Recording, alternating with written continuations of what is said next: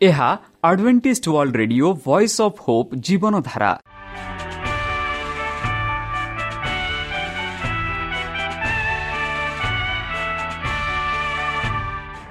Odia radio କାର୍ଯ୍ୟକ୍ରମ ଯାହା ଆମର ଆନ୍ତର୍ଜାତୀୟ ଆଘାତ କେନ୍ଦ୍ରରୁ ପ୍ରସାରଣ କରାଯାଉଛି ପ୍ରତିଦିନ ରାତି ନଅଟା ତିରିଶ ମିନିଟ୍ରେ। ମୁଁ ସୁବ୍ରତ କୁମାର ପତି ପ୍ରେମର ସହ ଆପଣମାନଙ୍କୁ ଏହି କାର୍ଯ୍ୟକ୍ରମକୁ ସ୍ୱାଗତ କରୁଅଛି। ଚାଲନ୍ତୁ ଆଜିର ତିରିଶ ମିନିଟ୍ର କାର୍ଯ୍ୟକ୍ରମ ବିଷୟରେ ଜାଣିନେବା। ପ୍ରଥମେ ରଖିଛୁ ଆଧ୍ୟାତ୍ମିକ ଭକ୍ତିମୟ ଗୀତ। ଭକ୍ତଙ୍କଠାରୁ ଜୀବନଦାୟକ ଈଶ୍ୱରଙ୍କ ବାକ୍ୟ। ପ୍ରିୟ ଶ୍ରୋତା ତାହେଲେ ଚାଲନ୍ତୁ ଶୁଣିବା ଏକ ଆଧ୍ୟାତ୍ମିକ ଭକ୍ତିମୟ ଗୀତ। ଯିଶୁ ତୁମେ ମୋର ଆଶା ଗୌରବମୟ ଭରସା। ଯିଶୁ ତୁମେ ମୋର सा गौरवमय भरसा।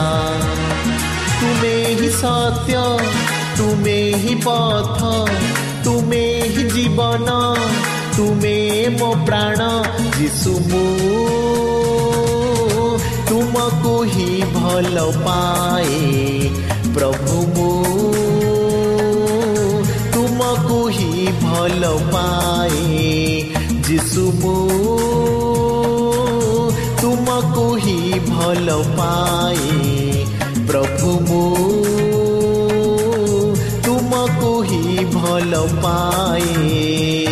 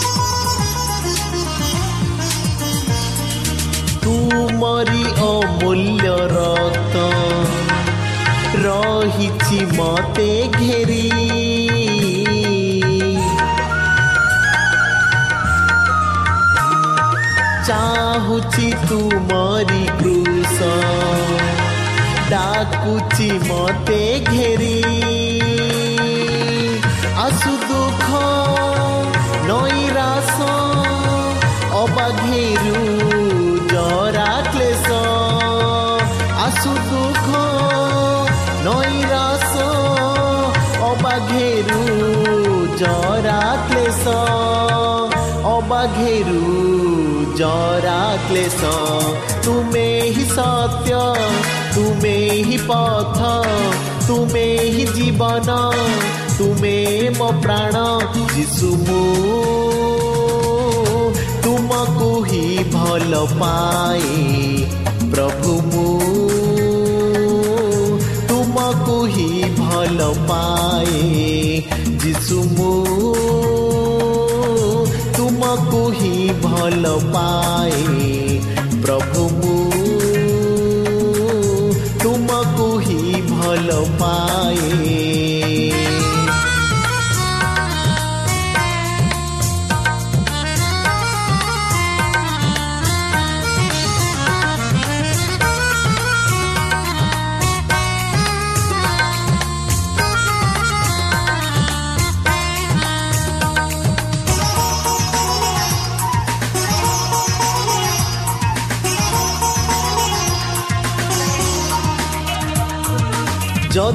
নিন্দা অপমান।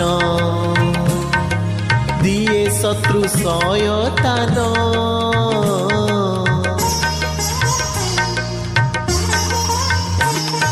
যদি নিন্দা অপমান। দিয়ে শত্রু সয়তান হেবি নাহি গাউথিবি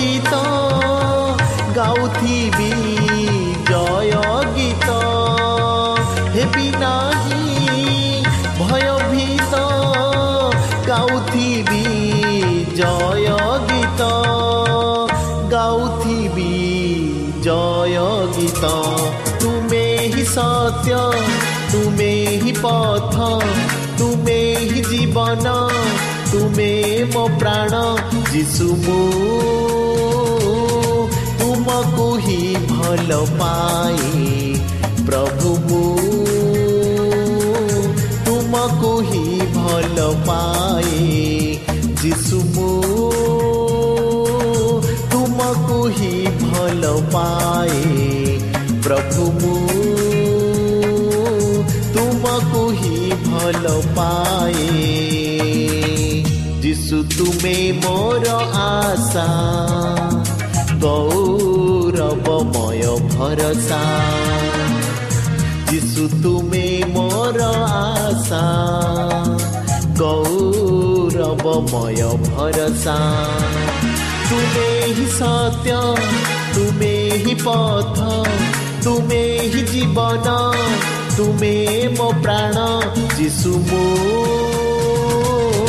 তুমি হি ভাল পাই প্ৰভু মো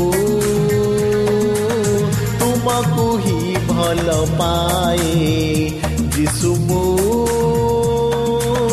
তুমি হি ভাল পাই প্ৰভু মো তুমি হি ভাল পায় ଆମ ଠିକଣା advantage media centre SDA mission compound Salisbury park Pune ଚାରି ଏକ ଏକ ଶୂନ ତିନି ସାତ ମହାରାଷ୍ଟ୍ର।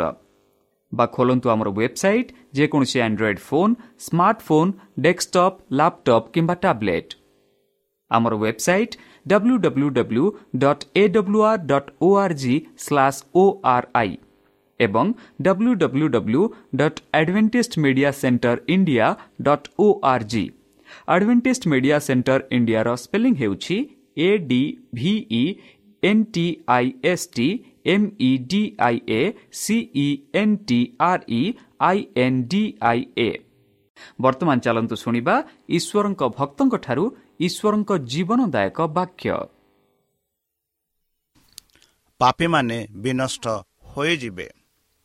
ନମସ୍କାର ପ୍ରିୟ ଶ୍ରୋତା ସେହି ସର୍ବଶକ୍ତି ସର୍ବଜ୍ଞାନୀ ପ୍ରେମର ସାଗର ଦୟାମୟ ଅନ୍ତର୍ଜମୀ ଅନୁଗ୍ରହ ପରମ ପିତାଙ୍କ ମଧୁର ନାମରେ ମୁଁ ପାଷ୍ଟ ପୂର୍ଣ୍ଣଚନ୍ଦ୍ର ଆଉ ଥରେ ଆପଣମାନଙ୍କୁ ଏହି କାର୍ଯ୍ୟକ୍ରମରେ ସ୍ୱାଗତ କରୁଅଛି ପ୍ରିୟ ଶ୍ରୋତା ସେହି ସର୍ବଶକ୍ତି ପରମେଶ୍ୱର ଆପଣମାନଙ୍କୁ ଆଶୀର୍ବାଦ କରନ୍ତୁ ଆପଣଙ୍କୁ ସମସ୍ତ ପ୍ରକାର ଦୁଃଖ କଷ୍ଟ ବାଧା କ୍ଲେଶ ଓ ରୋଗରୁ ଦୂରେଇ ରଖନ୍ତୁ।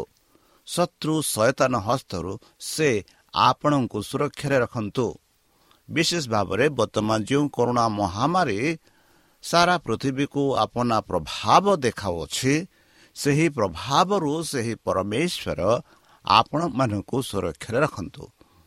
ତାହାଙ୍କ ପ୍ରେମ ତାହାଙ୍କ ସ୍ନେହ ତାହାଙ୍କ କୃପା ତାହାଙ୍କ ଅନୁଗ୍ରହ ସଦାସର୍ବଦା ଆପଣଙ୍କଠାରେ ସହବର୍ତ୍ତୀ ରହୁ।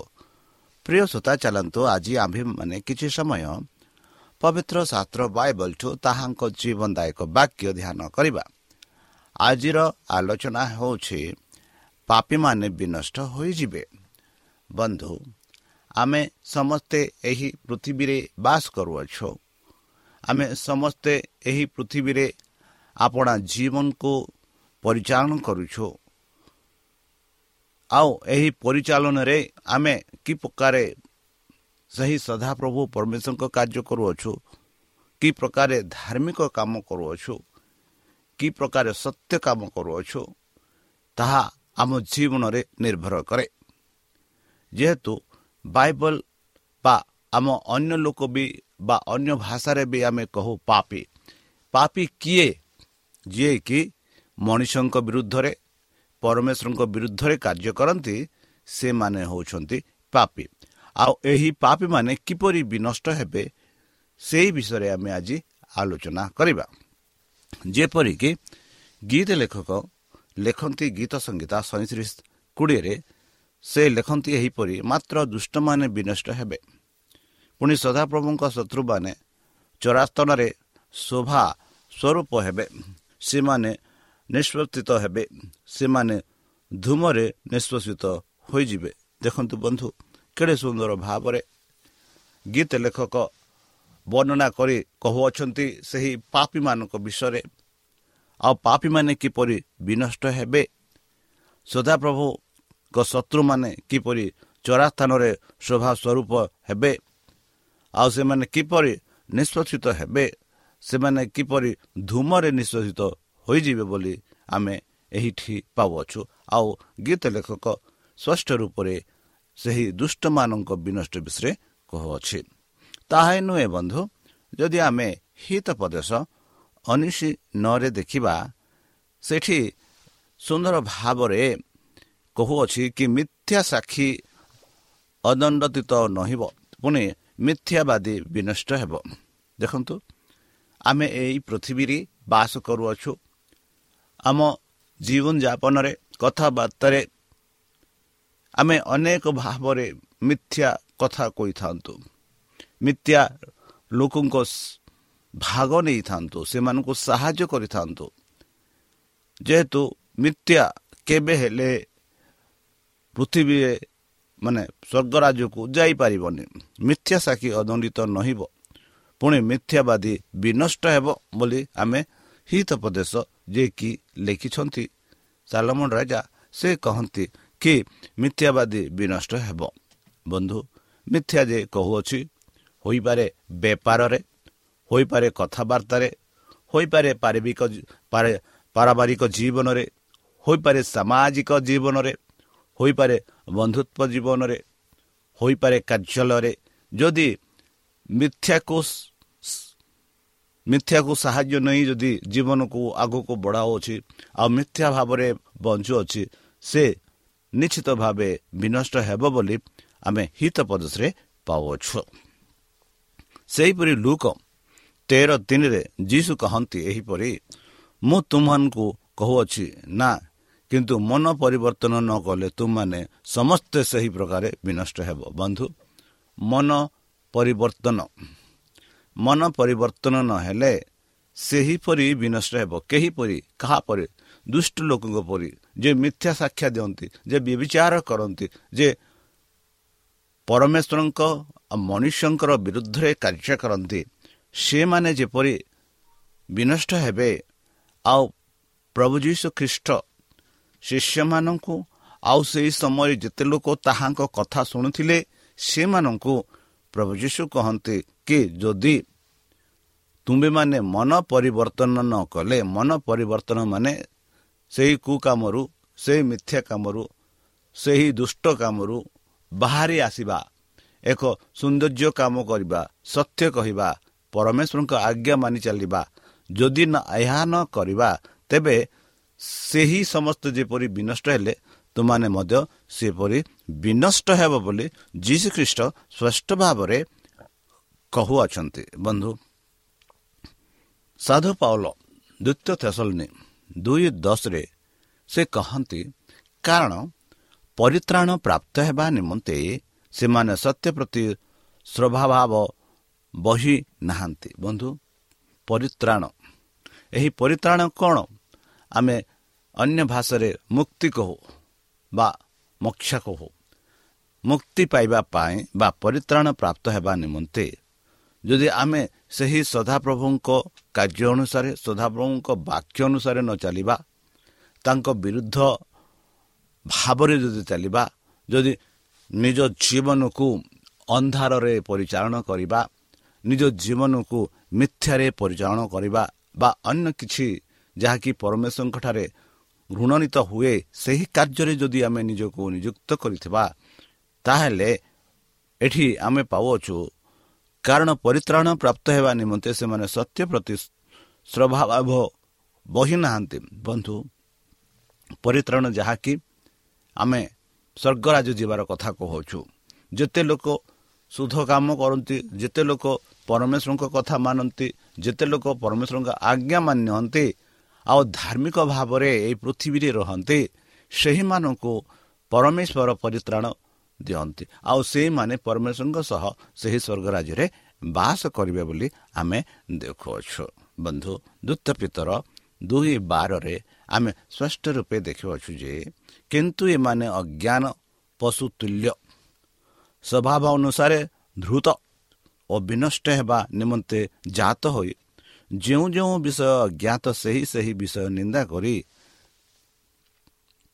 ସେଗୁଡ଼ିକର ବିନାଶର ନିଜେ ବିନଷ୍ଟ ହେବେ ବନ୍ଧୁ କେଡ଼େ ସୁନ୍ଦର ଭାବରେ ପିତର ଆମମାନଙ୍କୁ ସ୍ପଷ୍ଟ ରୂପରେ କହୁଛି କି ଅଜ୍ଞାନ ଅଜ୍ଞାନ ଲୋକ କିପରି ଗୁଡ଼ିଏ ପଶୁ ପରି ଆମେ ଯଦି ପଶୁ ଦେଖୁଅଛୁ ପଶୁମାନେ ଆମ ପରି ଜ୍ଞାନ ନାହାନ୍ତି ବା ଜ୍ଞାନୀ ନାହାନ୍ତି ଆମ ପରି ସ୍କୁଲକୁ ଯାଆନ୍ତି ନାହିଁ କି ଆମ ପରି ବୈଜ୍ଞାନିକ ଉପରେ ଧ୍ୟାନ ଦିଅନ୍ତି ନାହିଁ। ସେମାନେ ପଶୁମାନେ ଅଜ୍ଞାନୀ। ସେମାନେ ଜାଣନ୍ତି ଜ୍ଞାନ ସେମାନଙ୍କର ନାହିଁ। ଯଦି ଆମ୍ଭେମାନେ ସେଇ ପଶୁ ପରି ଥିବା ସେହିପରି ସ୍ୱଭାବ ଥାଏ ଆମଠାରେ ଆଉ ଯଦି ଥାଏ ଏହିସବୁ ଆମମାନଙ୍କୁ ବିନଷ୍ଟ ଆଡ଼କୁ ନେଉଅଛି ବୋଲି ଆମେ ଦେଖୁଅଛୁ। ଆଉ ଯେଉଁ ଯେଉଁ ବିଷୟ ଅଜ୍ଞାତ ବନ୍ଧୁ ବାଇବଲରେ ଯଦି ଆମେ ବାଇବଲ ପଢ଼ିବା ଜ୍ଞାନ ବିଷୟରେ ଆମମାନଙ୍କୁ ବୁଝାଏ ପରମେଶ୍ୱରଙ୍କୁ ଭୟ କରିବା ବିଷୟରେ ବୁଝାଏ ପରମେଶ୍ୱରଙ୍କର ପରିତ୍ରାଣ ବିଷୟରେ ବୁଝାଏ ପରମେଶ୍ୱରଙ୍କ ପୁତ୍ର ବିଷୟ ବୁଝାଏ ପରମେଶ୍ୱରଙ୍କ ପୁତ୍ର କିପରି ଏହି ପୃଥିବୀକୁ ଆସିଲେ ମାନବ ପାଇଁ ମରିଲେ ତାହା ବିଷୟରେ ଆମମାନଙ୍କୁ ବୁଝାଏ। ଯଦି ଏହି ବିଷୟ ଯଦି ଆମେ ନ ଜାଣିବା ଆଉ ସେହି ପ୍ରକାର ଯଦି ନ ଚାଲିବା ତାହେଲେ ଆମେ ଅଜ୍ଞାନ। ଆମେ ଜାଣିନାହୁଁ। ଆଉ ଅଜ୍ଞାନ ଯଦି ଅଜ୍ଞାନରେ ଯଦି ରହୁଅଛୁ ତାହେଲେ ନିଶ୍ଚିତ ଭାବରେ ଆମମାନଙ୍କ ଜୀବନକୁ ବିନଷ୍ଟ ଆଡ଼କୁ ନେଉଅଛୁ। ଆଉ ସେଇ ବିନଷ୍ଟ ଆଡ଼କୁ ନେଉଛୁ ମାନେ ଆମର ମୁକ୍ତି ନାହିଁ କି ଆମର ପରିତ୍ରାଣ ନାହିଁ। ଆମେ ସ୍ୱର୍ଗରାଜ ଯାଇପାରିବା ନାହିଁ। ଯେହେତୁ ଆମେ ସେହି ପରମେଶ୍ୱରଙ୍କ ଆଜ୍ଞାର ଅଜ୍ଞାନ ଅଛୁ। ବନ୍ଧୁ ଆଜିକାଲି ଅଧିକାଂଶ ଲୋକ ପବିତ୍ର ଶାସ୍ତ୍ର ବାଇବଲ ପଢ଼ନ୍ତି। ହେଲେ ହେଁ ପଢ଼ିଲା ପରେ ବି ସେମାନେ ଅଜ୍ଞାନରେ ରହନ୍ତି। ସେମାନେ ଅନ୍ୟମାନଙ୍କ କଥା ମାନି ଚାଲନ୍ତି ବରଂ ବାଇବଲରେ ଯାହା ଯାହା କହୁଅଛି ତାହା ମାନନ୍ତି ନାହିଁ। ବାଇବଲ ବାକ୍ୟ ଅନୁସାରେ ସେମାନେ ଚାଲନ୍ତି ନାହିଁ ବରଂ ଅନ୍ୟମାନେ ଯାହା ଯାହା ସେମାନଙ୍କ ଚିନ୍ତାଧାରା ସେମାନଙ୍କ ଜ୍ଞାନ ଉପରେ ଯାହା ଯାହା ସେମାନଙ୍କୁ କହନ୍ତି ତାହା ଆଧାରିତରେ ସେମାନେ ଚାଲିଥାନ୍ତି। ମାତ୍ର ପବିତ୍ର ଶାସ୍ତ୍ର କୁହେ ପବିତ୍ର ଶାସ୍ତ୍ର ହେଉଛି ସବୁଠୁ ଯାହା ଆମେ ପବିତ୍ର ଶାସ୍ତ୍ରରେ ପାଉଛୁ ଜ୍ଞାନ ଶକ୍ତି ବୁଦ୍ଧି ସବୁ କିଛି ପାଉଅଛୁ। ଯଦି ଆମେ ସେହି ପବିତ୍ର ଶାସ୍ତ୍ର ତାହେଲେ ଯଦି ଆମେ ଦେଖିବା ପବିତ୍ର ଶାସ୍ତ୍ର କ'ଣ? ବନ୍ଧୁ ପବିତ୍ର ଶାସ୍ତ୍ର ହେଉଛି ପରମେଶ୍ୱରଙ୍କର ବାକ୍ୟ କଥା ଯାହା ସେ ପରମେଶ୍ୱର ଆପନା ଦୂତମାନଙ୍କୁ ଆପନା ଦାସମାନଙ୍କୁ ଦେଇଥିଲେ ଆଉ ସେହି କଥା ଆମେ ପବିତ୍ର ଶାସ୍ତ୍ର ବାଇବଲରେ ପାଉଅଛୁ। ତାହେଲେ ଏହି ପବିତ୍ର ଶାସ୍ତ୍ର ଆମେ ଦେଖୁଅଛୁ ନୂତନ ନିୟମ ଆଉ ପୁରାତନ ନିୟମ। ଏଇ ଯେଉଁ ପୁରାତନ ନିୟମ ଆଉ ନୂତନ ନିୟମ ଯଦି ଆମେ ଧ୍ୟାନ ନ ଦେବା ଆମେ ବେଲେ ବେଲେ ଖାଲି ନୂତନ ନିୟମରେ ଧ୍ୟାନ ଦେଇଥାଉ। ଭୁଲି ଯାଇଥାଉ ଯେ ପୁରାତନ ନିୟମରେ ଯାହା ଯାହା ଲେଖା ଅଛି ସେହିସବୁ ନୂତନ ନିୟମକୁ ଆଡ଼କୁ ନେଉଅଛି। ପୁରାତନ ନିୟମରେ ଯାହା ଯାହା କ୍ରିୟାକର୍ମ ଚାଲିଥିଲା ସେହିସବୁ ନୂତନ ନିୟମରେ ଆମେ ପାଉଅଛୁ। ମାନେ ଆମେ ଯେବେ ନୂତନ ନିୟମ ପଢ଼ୁଛୁ ସେତେବେଳେ ପୁରାତନ ନିୟମ ମଧ୍ୟ ପଢ଼ିବା ଉଚିତ। ଆଉ ଯେବେ ପୁରାତନ ନିୟମ ଆମେ ପଢ଼ିବା ସେହି ଅନୁସାରେ ଆମେ ଚାଲିବାକୁ ପଡ଼ିବ। ଯେହେତୁ ପବିତ୍ର ଶାସ୍ତ୍ରମାନେ ପୁରାତନ ନିୟମ ନୂତନ ନିୟମ ମିଶାଇ ପବିତ୍ର ବାକ୍ୟ ହେଉଛି। ଯେହେତୁ ଯଦି ଆମେ ପଢ଼ିବା ଏଭ୍ରି ଏକ ଏକ ସେଠି ଆମେ ସୁନ୍ଦର ଭାବରେ ପାଉଅଛୁ ପରମେଶ୍ୱର କିପରି ସେ ସମୟରେ ଆପଣା ଦାସଙ୍କୁ କଥା କହିଥିଲେ ଆଉ ସେ କିପରି ସେ ବାକ୍ୟମାନଙ୍କୁ ଆସିଅଛି ତାହା ବିଷୟରେ ଜାଣୁ ଜଣାଉଅଛି ସେଥିଯୋଗୁଁ ପିତର ଦ୍ୱିତୀୟ ପିତର ଦୁଇ ବାରରେ ସେ କହନ୍ତି ଏମାନେ ଅଜ୍ଞାନ ପଶୁ ତୁଲ୍ୟ ଯେମାନେ ସେହି ବାକ୍ୟଟା ଜାଣିନାହାନ୍ତି ସେହି ବାକ୍ୟ ଆଧିରିତରେ ସେମାନେ ନିଜକୁ ରଖିନାହାନ୍ତି ସେମାନେ ଅଜ୍ଞାନ ପଶୁ ତୁଲ୍ୟ ସ୍ୱଭାବ ଅନୁସାରେ ଦ୍ରୁତ ଓ ବିନଷ୍ଟ ହେବା ନିମନ୍ତେ ଜାତ ହୋଇଛନ୍ତି। ଅଜ୍ଞାନ ଲୋକମାନେ ସ୍ୱଭାବ ରୂପେ ବିନଷ୍ଟ ହେବା ପାଇଁ ଜାତ ହୋଇଛନ୍ତି ବୋଲି ଦ୍ୱିତୀୟ ପିତର ଦୁଇ ବାରରେ ଆମେ ପାଉଅଛୁ।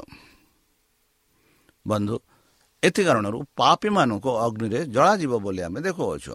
ଯଦି ମାଥ୍ୟୁ ତିନି ବାର ଆମେ ପଢ଼ିବା ସେଠି ଯୀଶୁ ଖ୍ରୀଷ୍ଟ ସ୍ପଷ୍ଟ ରୂପରେ ଏହାମାନଙ୍କୁ ବୁଝାଇ କହୁଛନ୍ତି ତାହାଙ୍କ ହାତରେ କୁଳା ଅଛି।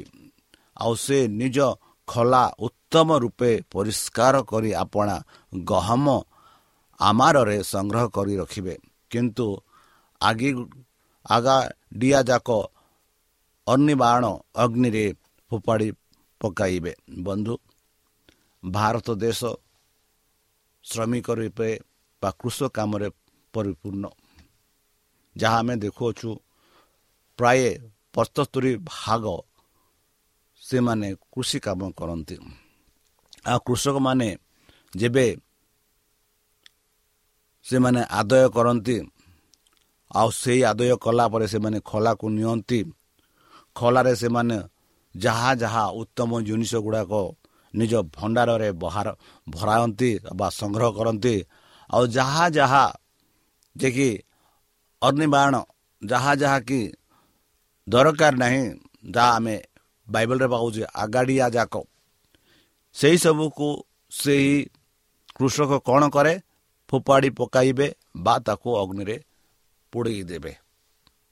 ମାନେ ଏହା ସିଧାସଖଳ ଆମମାନଙ୍କୁ ବୁଝାଉଅଛି କି ପରମେଶ୍ୱର ତାଙ୍କ ହାତରେ ଏକ ଦା ଧରିଛନ୍ତି ଯାହାକି କୁଲା ଅଛି ବୋଲି ଆମେ କୁଲା ଯେଉଁଟାକି ଆମେ ଧାନକୁ ପବନରେ ତାକୁ କରିଥାଉ। ସେଇ କୁଲା ତାଙ୍କ ହାତରେ ଅଛି। ଆଉ ସେ କ'ଣ କରିବ? ପରମେଶ୍ୱର ସେ ନିଜ ଖୋଲା ଉତ୍ତମ ରୂପେ ପରିଷ୍କାର କରିବ। ଖୋଲା ଯେଉଁଟା ଆମେ ମୁଁ କହିସାରିଛି ଯେଉଁଠିକି ଆମେ ଆମର ସଂଗ୍ରହ ସବୁ ଶସ୍ୟ ସବୁ ଏକାଠି କରି ତାକୁ ପରିଷ୍କାର କରି ନିଜ ଗୃହକୁ ନେଇଥାଉ। ଆଉ ସେଠି ପରମେଶ୍ୱର ସେଇ ଖୋଲାରେ ସମସ୍ତ ଉତ୍ତମ ଜିନିଷକୁ କ'ଣ କରନ୍ତି? ଆପଣ ଗହମ ଆମାରରେ ସଂଗ୍ରହ କରି ରଖିବେ ଆମାରରେ ମାନେ ଆମେ ସାଧାରଣ ଭାଷାରେ ଆମେ ଭଣ୍ଡାର ଘରରେ ଯାହା କହୁଛୁ ଆମେ ତାକୁ ଭଣ୍ଡା ଘରରେ ଭଲ ଭାବରେ ରଖିଥାଉ ଯାହା ଯାହା ଆମେ ଭଲ ଜିନିଷ ଗୁଡ଼ାକ ସଂଗ୍ରହ କରି ତାକୁ ଆମେ ରଖିଥାଉ ଆଉ ଯେଉଁଟା ଆମର ଯେଉଁଟା ଆମର ଆବଶ୍ୟକତା ନାହିଁ ତାହାକୁ ଆମେ ନିଆଁରେ ପୋଡ଼ି ଦେଇଥାଉ ସେହିପରି ଯୀଶୁ ଖ୍ରୀଷ୍ଟ ମଧ୍ୟ କରିବେ ବୋଲି ଯୀଶୁ ଖ୍ରୀଷ୍ଟ ନିଜ କହିଅଛନ୍ତି ଯେ ଯେବେ ସେ ଦ୍ୱିତୀୟ ଥର ଆସିବେ ଏହିପରି ଘଟିବ।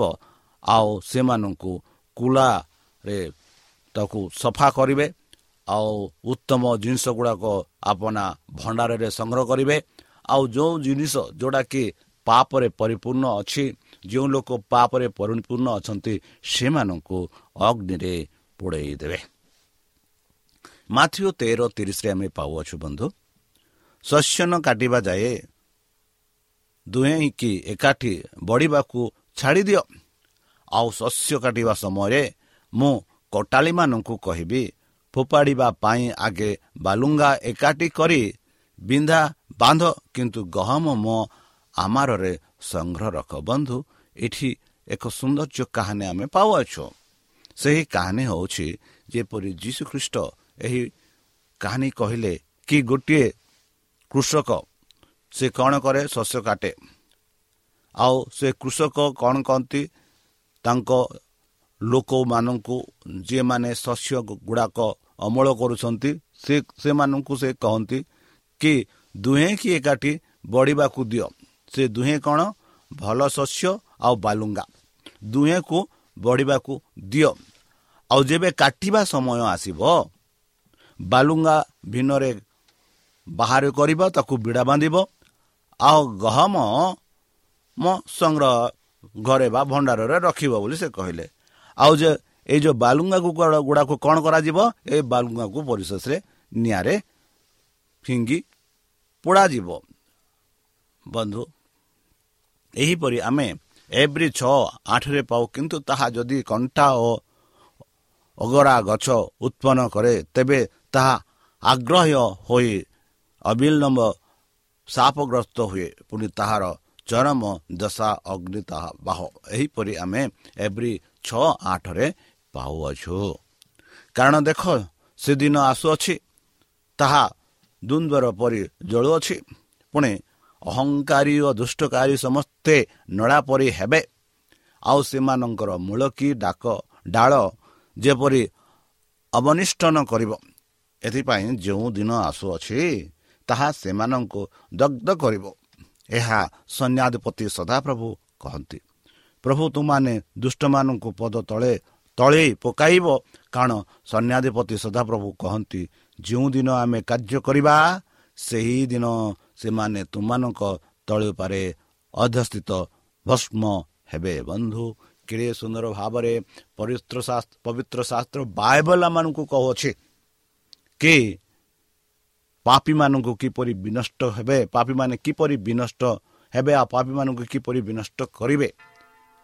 ଆଉ ତାହା ବିଷୟରେ ଆମକୁ ପବିତ୍ର ଶାସ୍ତ୍ର ସ୍ପଷ୍ଟ ରୂପେ କହୁଛି। ତାହେଲେ ପ୍ରିୟ ଶ୍ରୋତା ଚାଲନ୍ତୁ ନିଜକୁ ପ୍ରସ୍ତୁତ କରିବା ମନ ପରିବର୍ତ୍ତନ କରିବା ତାହାଙ୍କ ବାକ୍ୟ ଶୁଣିବା ତାଙ୍କ ବାକ୍ୟ ଅନୁସାରେ ଆମେ ଚାଲିବା।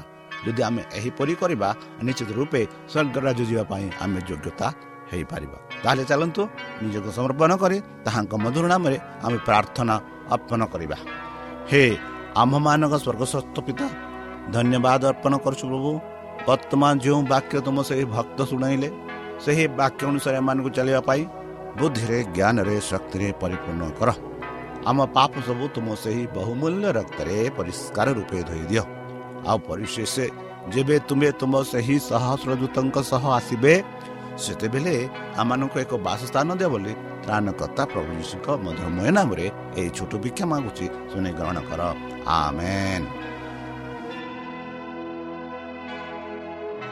ପ୍ରିୟ ଶ୍ରୋତା ଆମେ ଆଶା କରୁଛୁ ଯେ ଆମର କାର୍ଯ୍ୟକ୍ରମ ଆପଣମାନଙ୍କୁ ପସନ୍ଦ ଲାଗୁଥିବ। ଆପଣଙ୍କର ମତାମତ ଜଣାଇବା ପାଇଁ ଆମର ଏହି ଠିକଣାରେ ଯୋଗାଯୋଗ କରନ୍ତୁ। ଆମ ଠିକଣା advantage media centre SDA mission compound Salisbury Pune ଚାରି ଏକ ଏକ ଶୂନ ତିନି ସାତ ମହାରାଷ୍ଟ୍ର। ବା ଖୋଲନ୍ତୁ ଆମର ୱେବସାଇଟ୍ ଯେକୌଣସି Android phone smartphone desktop laptop କିମ୍ବା ଟ୍ୟାବ୍ଲେଟ୍ ଆମର website W W W dot A W R dot O R G slash O R I ଏବଂ W W W dot advantage media centre India dot O R G advantage media centre ଇଣ୍ଡିଆର spelling ହେଉଛି A D V E V E N T I S T M E D I A C E N T R E I N D I A ଅଥବା download କରନ୍ତୁ ଆମର mobile app ଆପଣଙ୍କର mobile play ଷ୍ଟୋରକୁ ଯାଆନ୍ତୁ ଆଉ type କରନ୍ତୁ the voice of hope ଆଉ download କରନ୍ତୁ। ଈଶ୍ୱର ଆପଣଙ୍କୁ ଆଶୀର୍ବାଦ କରନ୍ତୁ। ଧନ୍ୟବାଦ।